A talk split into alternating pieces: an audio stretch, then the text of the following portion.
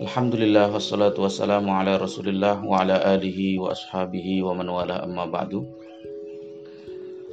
Allahumma inna asbahna minka fi ni'mati wa afiyatin wa sitr fa atimma alaina ni'mataka wa afiyataka wa sitraka fid dunya wal akhirah Allahumma la sahla illa ma ja'altahu sahla wa anta taj'alul hazana idha syi'ta sahla ala sayyidina Muhammad wa ala alihi wa sahbihi wa sallam walhamdulillahi rabbil alamin.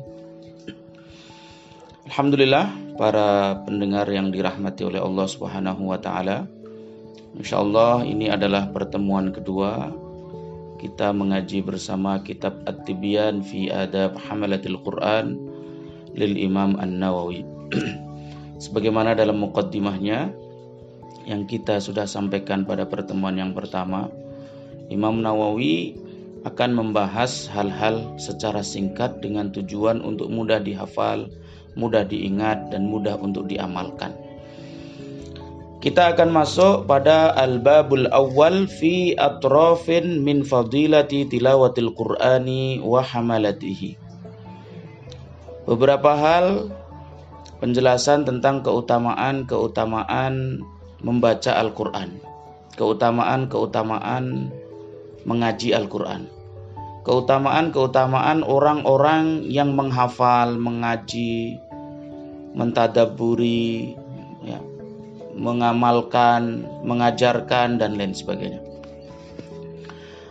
Qala Allah Ta'ala innal ladzina yatluna kitaballahi wa aqamus salata wa anfaqu mimma razaqnahum wa anfaqu mimma razaqnahum sirran wa alaniyatan yarjuna tijarah yarjuna tijaratan lan tabur ليوفيهم أجورهم ويزيدهم من فضله إنه غفور شكور Sesungguhnya orang-orang yang membaca kitab Allah yaitu Al-Quran Mereka mendirikan sholat ya, Menunaikan zakat dari apa-apa yang telah Allah berikan kepada mereka Secara terang-terangan maupun secara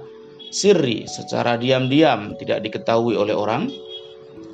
Sesungguhnya orang-orang tersebut adalah yarjuna tijaratan lan tabur. Mereka adalah orang-orang yang memiliki harapan besar berniaga dengan perniagaan yang tidak akan pernah merugi perniagaan yang tidak akan pernah rusak perniagaan yang tidak akan pernah binasa. Tabur binasa, merugi atau rusak. Liwafiyahum ujurahum wa yazidahum min fadlih.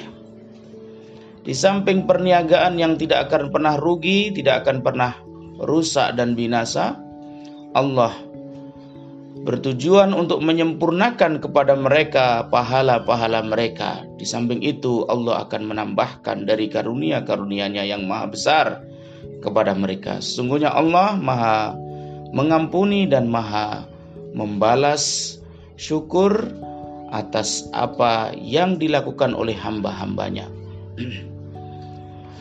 Daripada ayat ini sudah sangat jelas sekali bahwa di antara faktor kita tidak merugi adalah mengaji Al-Quran. Di antara faktor kita mendapatkan keuntungan yang sempurna baik di dunia maupun di akhirat adalah kita membaca, mengaji, dan mengajarkan Al-Quran. Karena kita sholat sudah sholat, zakat sudah zakat. Ya. Maka kita akan tambahi dari amalan-amalan tersebut yaitu yatluna kitab Allah. Membaca kitab Allah, mengkaji kitab Allah, mengajarkan kitab Allah, berinteraksi dengan kitab Allah, mengamalkan kitab Allah sehingga kita memperoleh tijaratan lan tabur yaitu perniagaan yang tidak akan pernah merugi. Riwayat daripada Utsman ibnu Affan radhiyallahu taala anhu qala qala Rasulullah sallallahu alaihi wasallam khairukum man ta'allamal qur'ana wa 'allamahu khairukum man ta'allama al-Qur'ana wa 'allamahu. Hadis ini diriwayatkan oleh Imam Bukhari yaitu Abu Abdullah Muhammad bin Ismail bin Ibrahim Al-Bukhari Al-Ju'fi dalam kitab sahihnya. Yang mana kitab sahih Bukhari adalah kitab sahih yang paling sahih setelah Al-Qur'an. Sebaik-baik kalian adalah orang-orang yang mempelajari Al-Quran dan orang-orang yang mengajarkan Al-Quran. Sangat mulia sekali dan sangat mudah sekali bagi orang yang mendapatkan kemudahan dan petunjuk dari Allah Subhanahu wa taala. Yaitu apa? Belajar dan mengajarkan Al-Qur'an. Kalau kita menghendaki kebaikan, memperoleh ke kebajikan di antara umat-umat yang ada di atas muka bumi ini, maka berpeganglah kepada Al-Quran. Pelajari Al-Quran dan ajarkan Al-Quran. Riwayat daripada Aisyah radhiyallahu taala anha qalat Aisyah berkata qala Rasulullah sallallahu alaihi wasallam. Rasulullah sallallahu alaihi wasallam bersabda Alladhi yaqra'ul Qur'ana wa huwa mahirun bih ma'as safaratil kiramil bararah. Orang-orang yang mengaji Al-Quran, membaca Al-Quran, dia pandai dalam Al-Quran. Pinter tajwidnya, lancar bacaannya, fasih, mengucapkan makhorid-makhorid dan sifatnya. Maka orang tersebut ma'as-safaratil kiramil bararah. Dia akan membersamai para malaikat yang mulia yang baik-baik. Para malaikat yang ada di sisi Allah Subhanahu wa taala. As-safarah itu adalah para malaikat-malaikat yang bertugas untuk menulis. Ya. Jadi orang yang ngajinya Al-Quran pinter, pandai, tajwidnya hebat, fasih, sesuai dengan makharid, sifat, hukum-hukum, dan lain sebagainya, Allah akan menjadikan dia membersamai para malaikat yang baik-baik, yang mulia, yang dekat kepada Allah Subhanahu wa taala. Sebaliknya walladzi yaqra'ul Qur'an wa yatata'u fihi wa huwa 'alaihi syaqqun lahu ajran. Barang siapa yang mengaji Al-Qur'an wa yatata'u fihi wa huwa 'alaihi syaqqun, dia masih kesulitan. Berat baginya, lisannya masih kaku untuk mengaji Al-Quran karena mungkin belum terbiasa atau belum banyak mempelajari atau tidak banyak memperhatikan. Tapi dia masih mengaji Al-Quran lahu ajran. Dia tetap mendapatkan pahala. Jadi dari hadis ini sudah diberikan penjelasan dari Nabi Shallallahu Alaihi Wasallam bagi siapa yang ngajinya belum lancar, makhoridnya belum fasih, hukum tajwidnya belum ngerti, tidak berarti dia harus berhenti dan tidak mau mengaji Al-Quran. Tidak mau membaca Al-Quran, tidak berarti begitu. Tidak boleh dia merasa berdosa karena takut salah, tidak. Justru di sini lahu ajron, dia memiliki dua pahala. Yang salah adalah yang dia banyak salah tapi tidak mau berusaha membetulkan, tidak mau berusaha mengaji, tidak mau berusaha berguru itu yang salah. Tapi kalau kamu dalam proses masih belajar, bacaan masih salah-salah, maka di situ tetap kamu diminta untuk terus mengaji, membaca, tilawah, ya, melancarkan dan lain sebagainya. Adapun salah yang tidak kamu sengaja, insya Allah Allah ma maafkan. Hadis tersebut riwayat Imam Bukhari dan Imam Muslim Imam Muslim adalah Abu Husain Muslim Ibnul Hajjaj Ibnu Muslim An-Naisaburi. Hadis riwayat Bukhari Muslim dalam kitab sahihnya. Riwayat daripada Abu Musa Al-Asy'ari radhiyallahu taala anhu. Beliau berkata, Rasulullah sallallahu alaihi wasallam bersabda, "Masalul mu'minil ladzi yaqra'ul Qur'ana masalul utrujjati." Perumpamaan orang mukmin yang mau membaca dan mengaji Al-Quran itu seperti perumpamaan Al-Utrujah. Al-Utrujah itu macam buah-buahan yang ada di Arab. Yang waktu itu buah-buahan Utrujah ini mungkin sekarang ini masih ada akan tetapi tidak banyak. Tidak banyak kita dapati. Yang kita dapati di toko-toko buah itu apel, mangga, kurma, ya, buah tin dan lain sebagainya. Tapi utruja ini tidak banyak kita dapati. Karena saking jarangnya buah tersebut dan buah tersebut itu memiliki fisik yang sangat bagus sekali. Sekali kamu melihat pasti jatuh cinta. Ini buah utruja. Sekali melihat buah tersebut fisiknya itu kamu pasti jatuh cinta. Ya. Kemudian buah tersebut di samping fisiknya indah, ya setiap orang yang melihatnya jatuh cinta rasanya juga manis ya, semua lisan pasti menyukainya nah, ini utruja jadi di sini Rasulullah Shallallahu Alaihi Wasallam mengumpamakan orang mukmin yang suka ngaji Al-Quran itu seperti buah utrujah yang secara fisik indah, ya cantik untuk dipandang, kemudian saat dirasakan luar biasa. Ini orang mukmin yang mau ngaji Al-Qur'an. Kemudian di situ dikatakan oleh Rasulullah rihuha thayyibun wa ta'muha thayyibun. Baunya wangi, rasanya pun wangi tadi saya katakan. Baru melihat baunya, fisiknya itu sudah jatuh cinta. Saat mencicipi buahnya itu luar biasa. Inilah utrujah. Wa masalul mu'minil ladzi la yaqra'ul Qur'an masalut tamroti. Perumpamaan orang mukmin yang tidak mau ngaji Al-Qur'an itu masalut tamroti, seperti buah kurma. Buah kurma itu dari segi fisik tidak bau wangi. Akan tetapi saat dirasakan dia manis. Ya, artinya apa? Orang mukmin yang tidak mau ngaji Al-Qur'an apakah masih memiliki nilai kebaikan? Masih. Kenapa? Keimanannya. Ya, keimanannya. Di sini menunjukkan bahwa keimanan ini adalah sesuatu yang paling utama dan syarat utama dan yang pertama sehingga amal-amal lain itu mengikuti. Jadi kebaikan apa pun kalau di hatinya tidak ada iman, itu hampir dikatakan sia-sia walaupun itu bermanfaat di dunia untuk orang lain. Ya kan?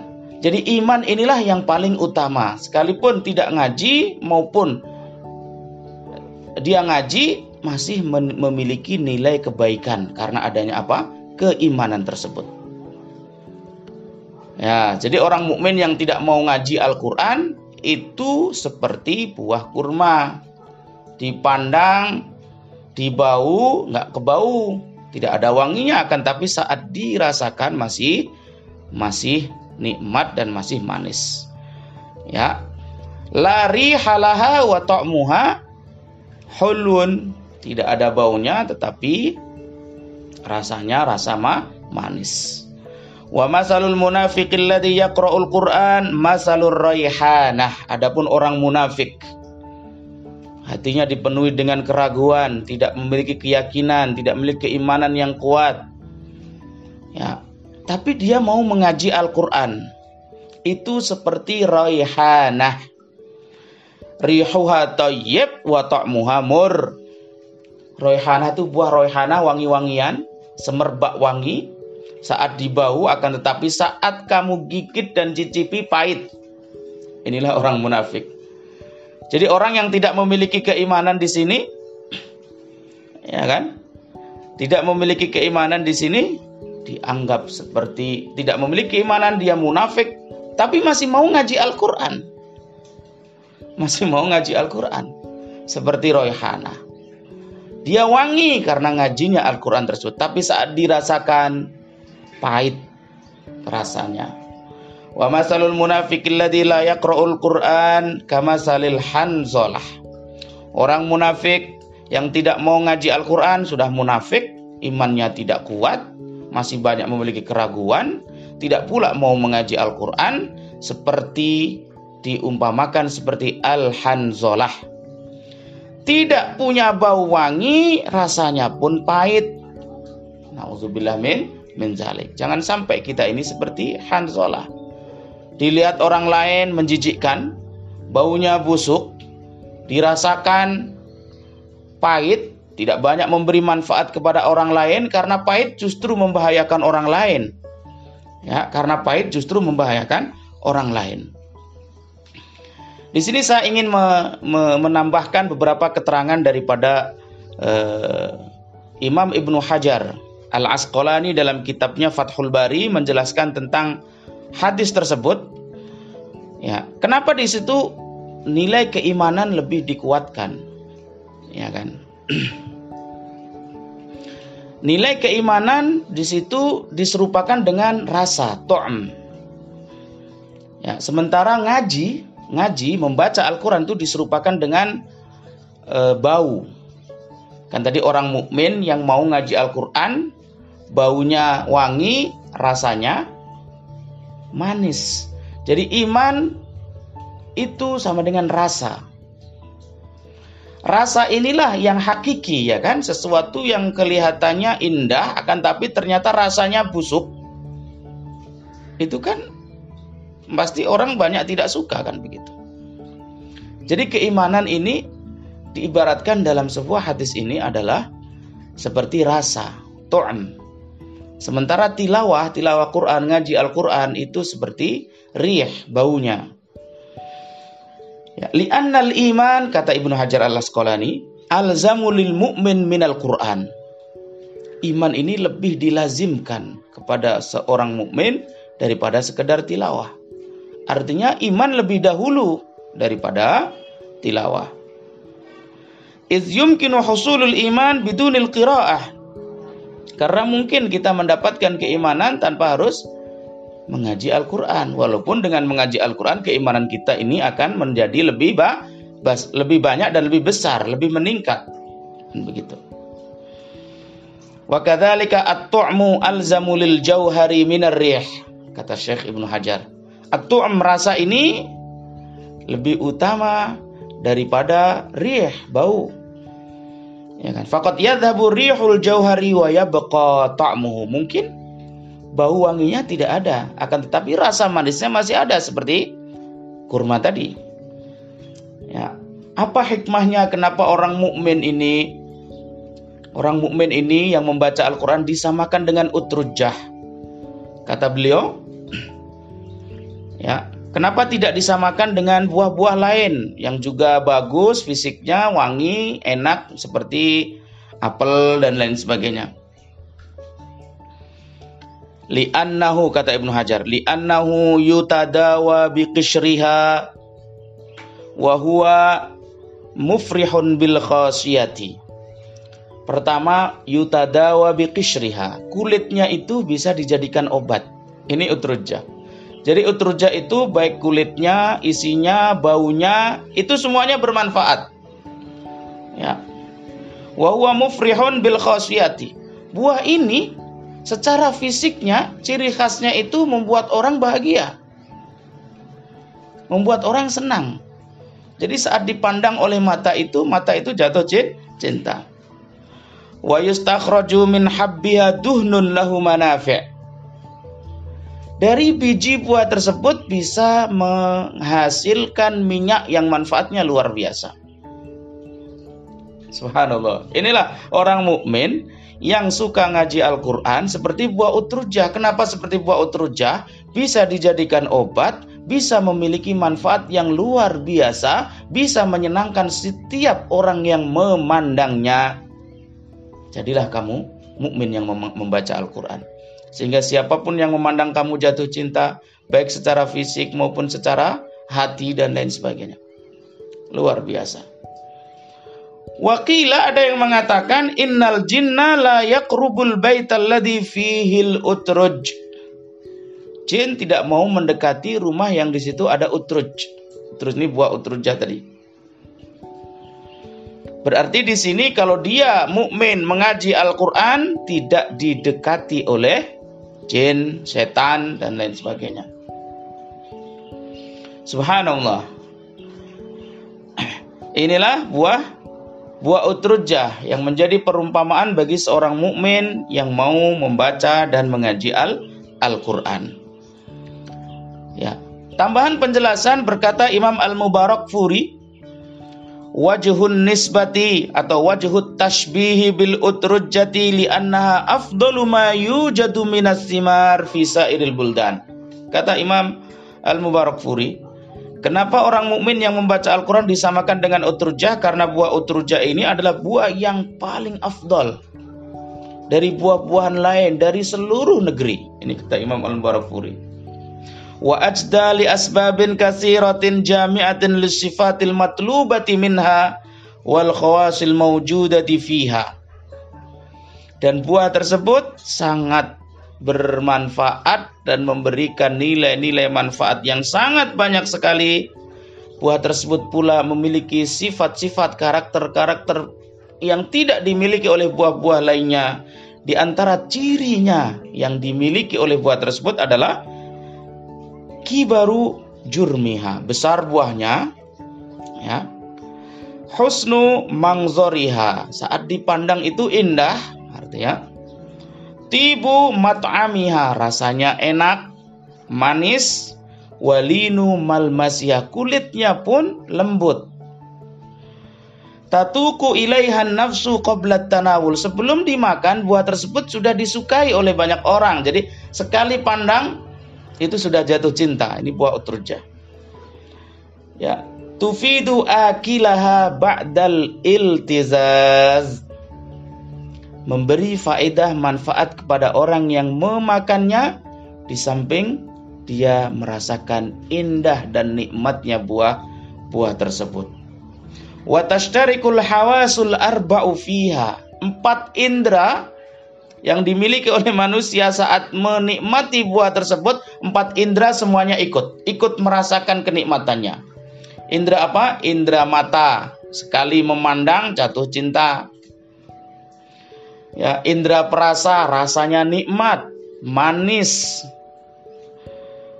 ya kemudian indera eh, apa hmm, tadi indera perasa indera saat dicicipi sekarang indera sentuh. Saat disentuh pun indah lembut.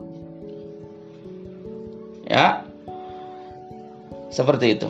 Luar biasa. Inilah buah utrujah yang menjadi perumpamaan bagi seorang mukmin yang mau mengaji mengaji Al-Qur'an. Adapun orang mukmin yang tidak mau mengaji Al-Qur'an, dia seperti tamrah, masih manis karena memiliki keimanan akan tetapi tidak punya bau. Bahkan sebagian orang saat memandang tamroh itu tidak suka. Ya kan?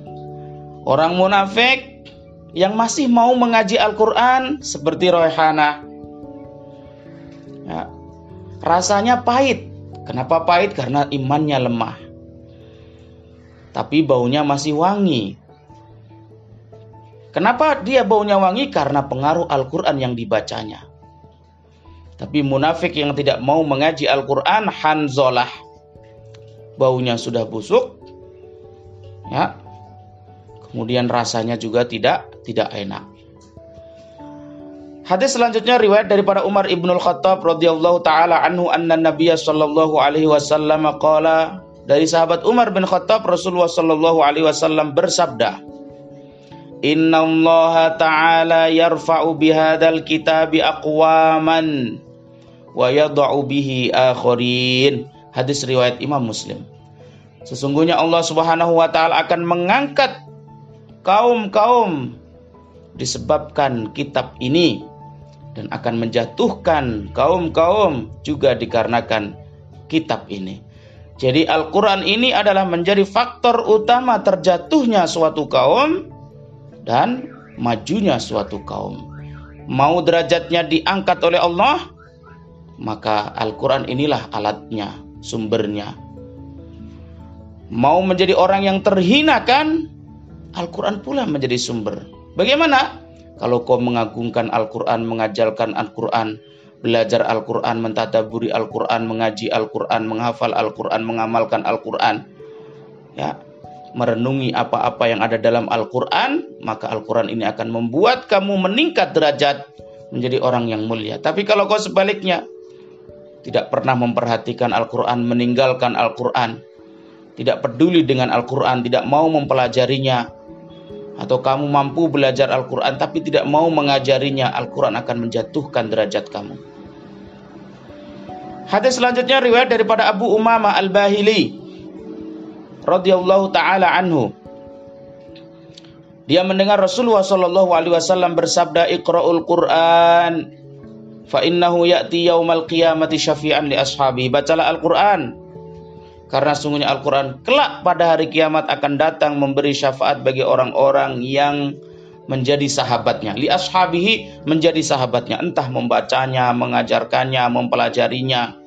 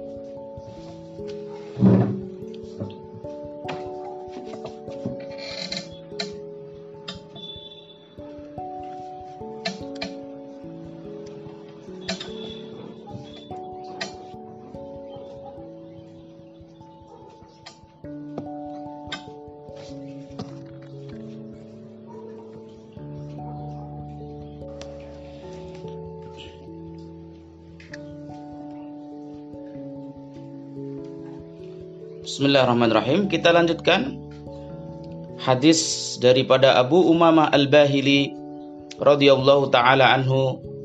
Beliau berkata, saya mendengar Rasulullah shallallahu alaihi wasallam bersabda, "Iqra'ul Qur'an, fa innahu ya'ti yaumal qiyamati syafi'an li ashabihi." Hadis riwayat Imam Muslim.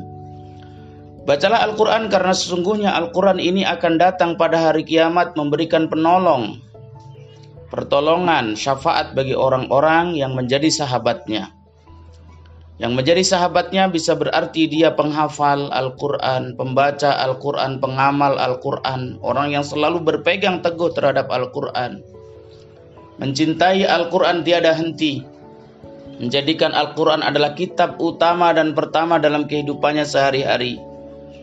Menjadikan Al-Quran sebagai pedoman kehidupannya, hukum, undang-undang, yang dijadikan untuk berjalan di atas muka bumi Allah ini subhanahu wa ta'ala. Syafaatnya akan kita dapati di hari kiamat nanti. Inilah Al-Quran. Riwayat daripada Ibnu Umar daripada Nabi Shallallahu Alaihi Wasallam bersabda, La hasada illa fisnata ini.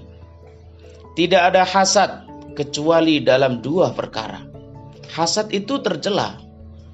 Akan tetapi ada dua hal yang mana kita boleh hasad.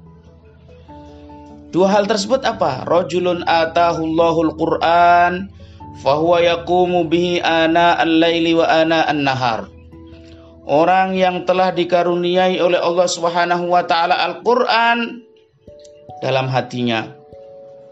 Fahuwa yaqumu bihi dan orang tersebut mengamalkan Al-Qur'an membacanya, mempraktekkannya, mengajarkannya ana al-laili wa ana an-nahar di sepanjang malam dan di sepanjang siang. Tahajud, qiyam, tarawih. Ya. Di siang harinya mengajarkannya, mengamalkannya, mempraktekkannya. Ya. Sehingga kita mendapati dan melihat orang tersebut merasa kita iri dengannya, ingin seperti itu.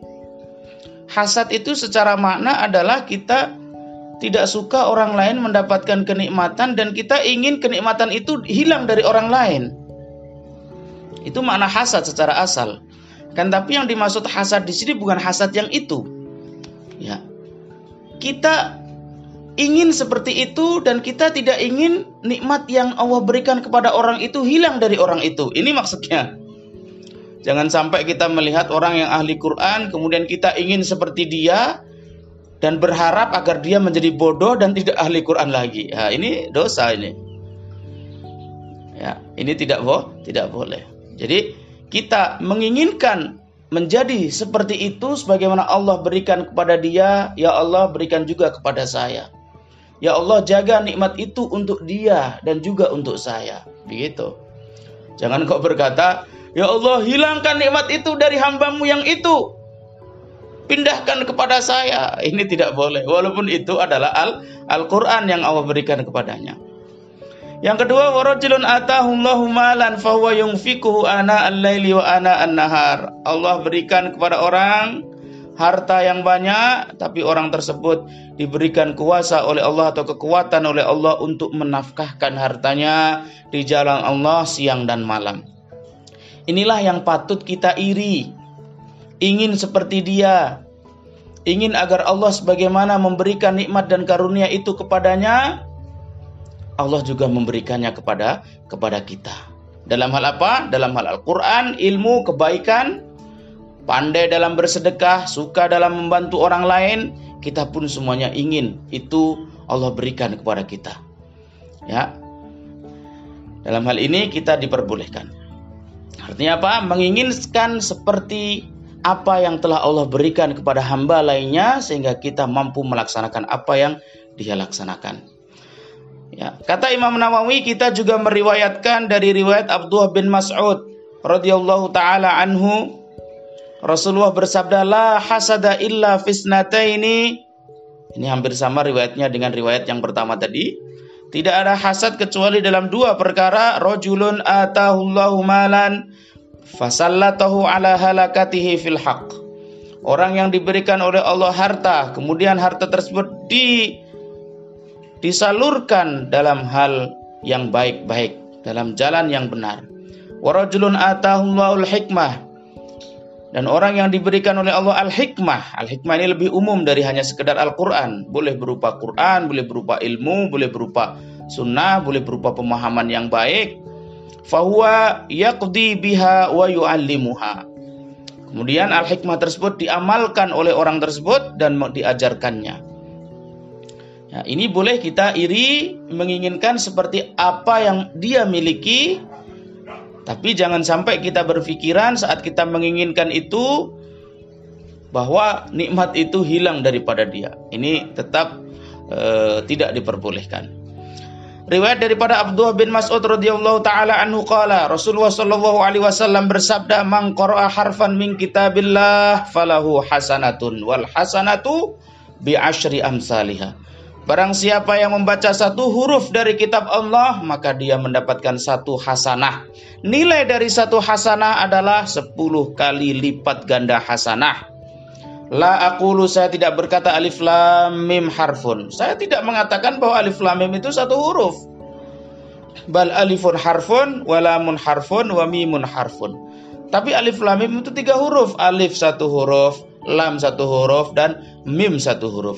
Hanya sekedar membaca alif lam mim kamu mendapatkan tiga hasanah karena di situ ada tiga huruf. Setiap satu hasanah sepuluh kali lipat ganda berarti alif lam mim tiga puluh hasanah. Masya Allah. Ini hadis Imam At-Tirmidzi yang meriwayatkan adalah Imam At-Tirmidzi dan beliau mengatakan hadis ini hasanun sahih. Hadis ini adalah hasanun sahih. Jadi para pendengar yang dirahmati oleh Allah, bisa kita bayangkan Al-Fatihah yang kita baca itu sudah berapa huruf? Al-Baqarah yang kita baca itu sudah berapa huruf? Sudah berapa hasanah yang kita dapati?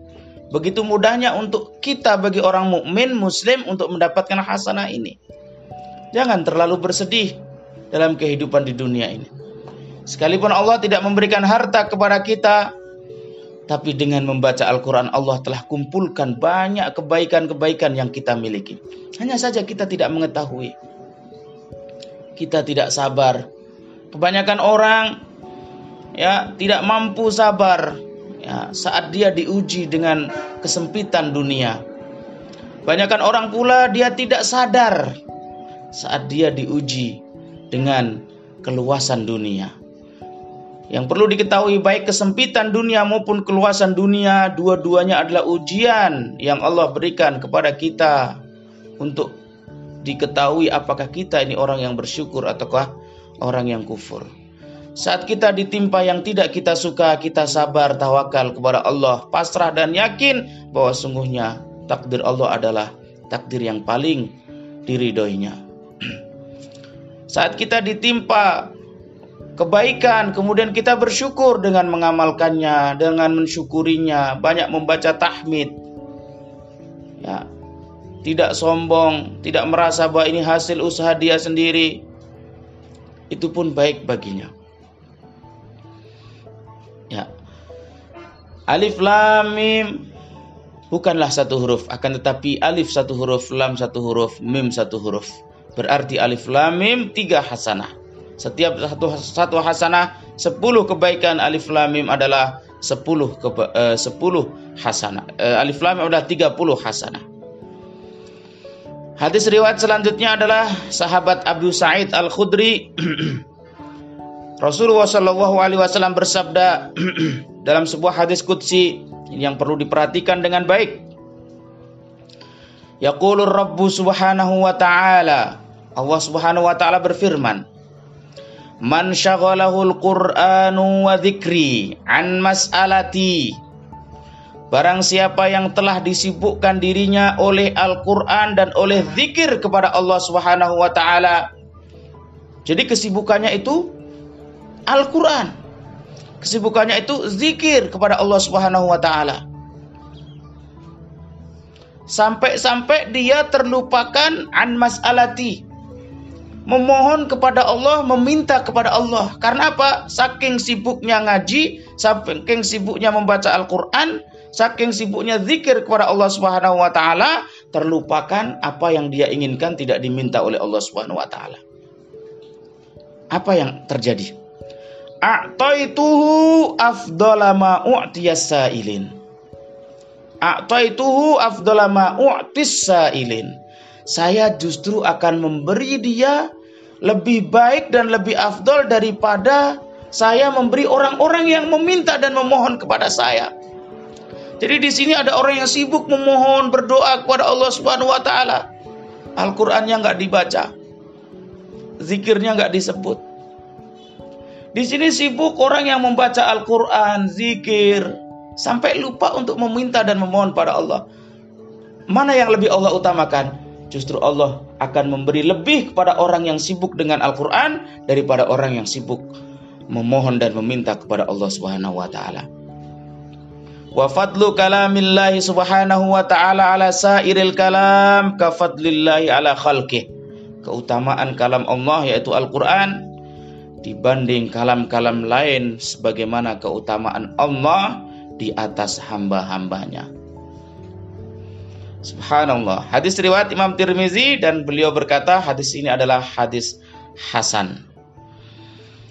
Riwayat kedua adalah riwayat selanjutnya daripada Ibnu Abbas radhiyallahu anhu maqala Ibnu Abbas berkata Rasulullah sallallahu alaihi wasallam bersabda innal baital ladzi innal ladzi maaf maaf innal ladzi laisa fi jawfi syai'un minal qur'an kal baitil kharibi orang yang hidup jaufnya, rongganya, mulutnya, kerongkongannya, dan lain sebagainya tidak pernah terisi oleh Al-Quran, itu seperti rumah subung, kosong, rusak, hancur, berantakan.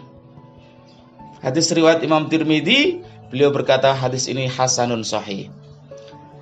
Jadi kalau kamu ingin memperbaiki perabotan hati kamu, jiwa kamu, ya menjadi suci, bersih, istiqomah, maka kamu harus berpegang pada Al-Quran. Baca Al-Quran. Sebaik-baik zikir adalah kamu membaca Al-Quran. Riwayat daripada Abdullah bin Amr ibnul As. daripada Nabi Muhammad sallallahu alaihi wasallam bersabda, Yuqalu li sahibil Quran. Pada hari kiamat nanti akan dikatakan kepada orang-orang yang mencintai Al-Quran, sahibul Quran. Bersahabat dengan Al-Quran. Penghafal Al-Quran. Orang yang mengamalkan Al-Quran. Dikatakan kepada dia di hari kiamat, Iqra wartaki. Warattil kama kunta turattil fid dunya.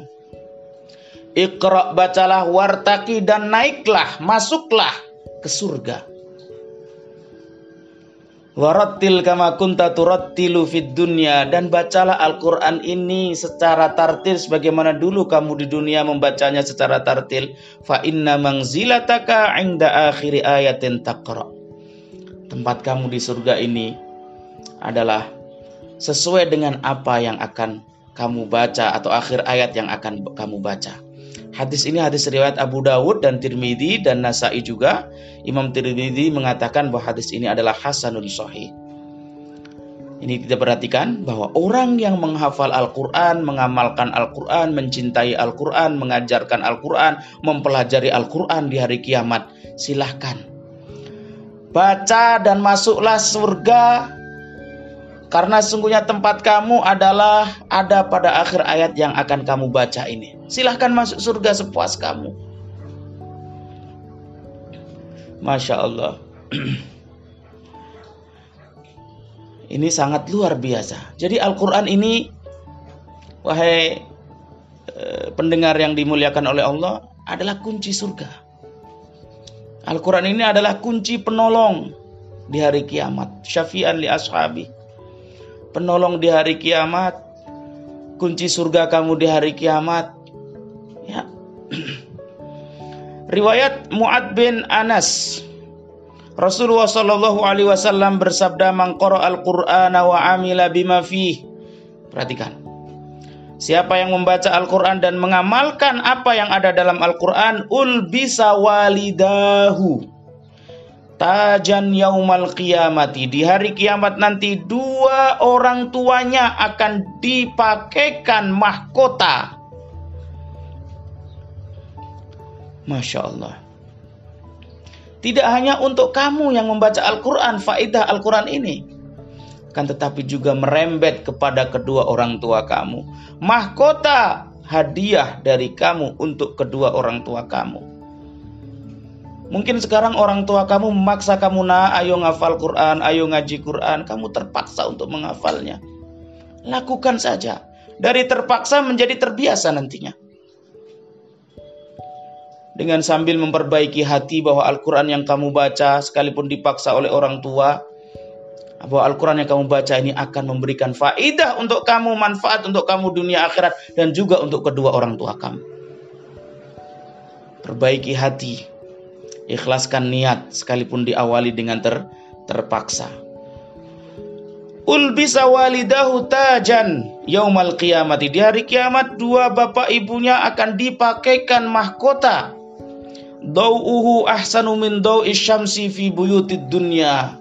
Cahayanya lebih indah terang daripada cahaya matahari di rumah-rumah dunia. Fama dhannukum billadhi amila bihada. Bagaimana menurut kamu bagi orang yang mengamalkan ini semua? Luar biasa.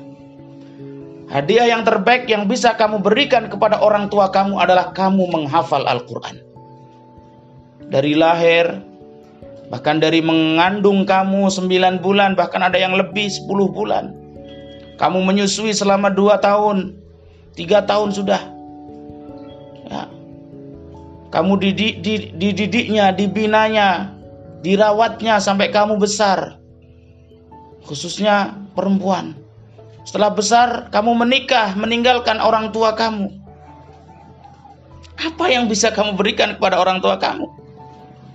kalau tidak kamu memanfaatkan masa-masa ini untuk bersibuk diri dengan Al-Quran. Berikan hadiah yang terbaik kepada kedua orang tua kamu dengan menghafal Al-Quran ini.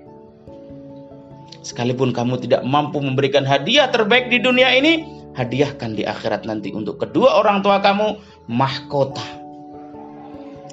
yang akan dipakaikan kepada kedua orang tua kamu. Hadis riwayat Imam Ad-Darimi dengan sanad daripada Abdullah bin Mas'ud. Ya. Beliau berkata, "Iqra'ul Qur'an fa inna Allah Ta'ala la yu'adzibu qalban wa'al Qur'ana." Iqra'ul Qur'an fa inna Allah Ta'ala la yu'adzibu qalban wa'al Qur'an. Bacalah Al-Qur'an. Hadis ini hadis riwayat Abdullah bin Mas'ud. Kalau seorang sahabi sudah meriwayatkan hadis itu memiliki status bisa memiliki status status marfu kan begitu. Jadi ini mauquf sampai kepada Abdullah ibnu ibnu Mas'ud. Dalam inti hadisnya bacalah Al-Quran. Karena sesungguhnya Allah Subhanahu wa taala tidak akan menyiksa hati wa'a Al-Qur'an, yang hafal Al-Qur'an, yang paham Al-Qur'an, yang sadar Al-Qur'an, yang hatinya diisi dan dipenuhi oleh Al-Qur'an. Allah tidak akan menyiksa. Subhanallah. Dan ini kata Imam Nawawi di sini eh, diriwatkan Imam Darimi dari Abdullah bin Mas'ud beliau berkata, dari yang berkata adalah Abdullah bin Mas'ud. Jadi mauquf sampai kepada Abdullah bin bin Mas'ud.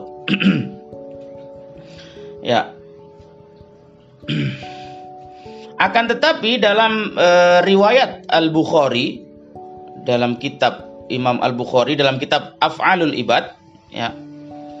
Diriwayatkan oleh Ar-Razi dalam dan juga diriwayatkan oleh diriwayatkan oleh Imam Bukhari dalam Af'alul Ibad, diriwayatkan oleh Ar-Razi dalam Fawaidih ya sampai kepada Abu Umamah dalam keadaan marfu. Demikian pula dalam tarikh Ibnu Asakir. Jadi hadis ini di satu sisi riwayatnya mauquf, di sisi lain riwayatnya mar marfu. ya. Fa inna Allah Ta'ala la yu'adzibu qalban wa'al Qur'an. Allah tidak akan menyiksa suatu hati, hati yang sadar, hafal, diisi, yang menjadi tempat Al-Quran wa inna wa inna hadzal qur'an ma'dabatullahi ma'dabatullah atau wa inna hadzal qur'an ma'dubatullahi Sesungguhnya Al-Quran ini adalah ma'dabahnya Allah atau ma'dubahnya Allah. Ada perbedaan antara ma'dabah dan ma'dubah. Kalau ma'dubah itu hidangan yang dibuat oleh orang kemudian mengajak orang lain untuk ayo kita makan-makan. Ini ma'dubah. Tapi kalau makdabah daripada adab. Karena dengan Al-Quran ini kita bisa memiliki akhlak adab yang baik. Quran ini adalah makdabatullah atau makdubatullah. Bagaimana Allah Subhanahu wa taala mengajarkan kita untuk menjadi orang yang memiliki akhlak yang baik atau menjadikan kita bersenang-senang hidup kita bahagia sejahtera di dunia maupun di akhirat. Faman dakhala fihi fahuwa aminun barang siapa yang masuk di dalam Al-Qur'an itu maka dia akan menjadi aman. Waman ahabbal Qur'ana barang siapa yang mencintai Al-Qur'an falyab syur. Barang siapa yang mencintai Al-Qur'an falyab syur atau falyab syar. Hendaklah dia berbahagia. Ya, hendaklah dia berbahagia. Falia besar daripada basyira ya besharu. Ya, basyira ya besharu.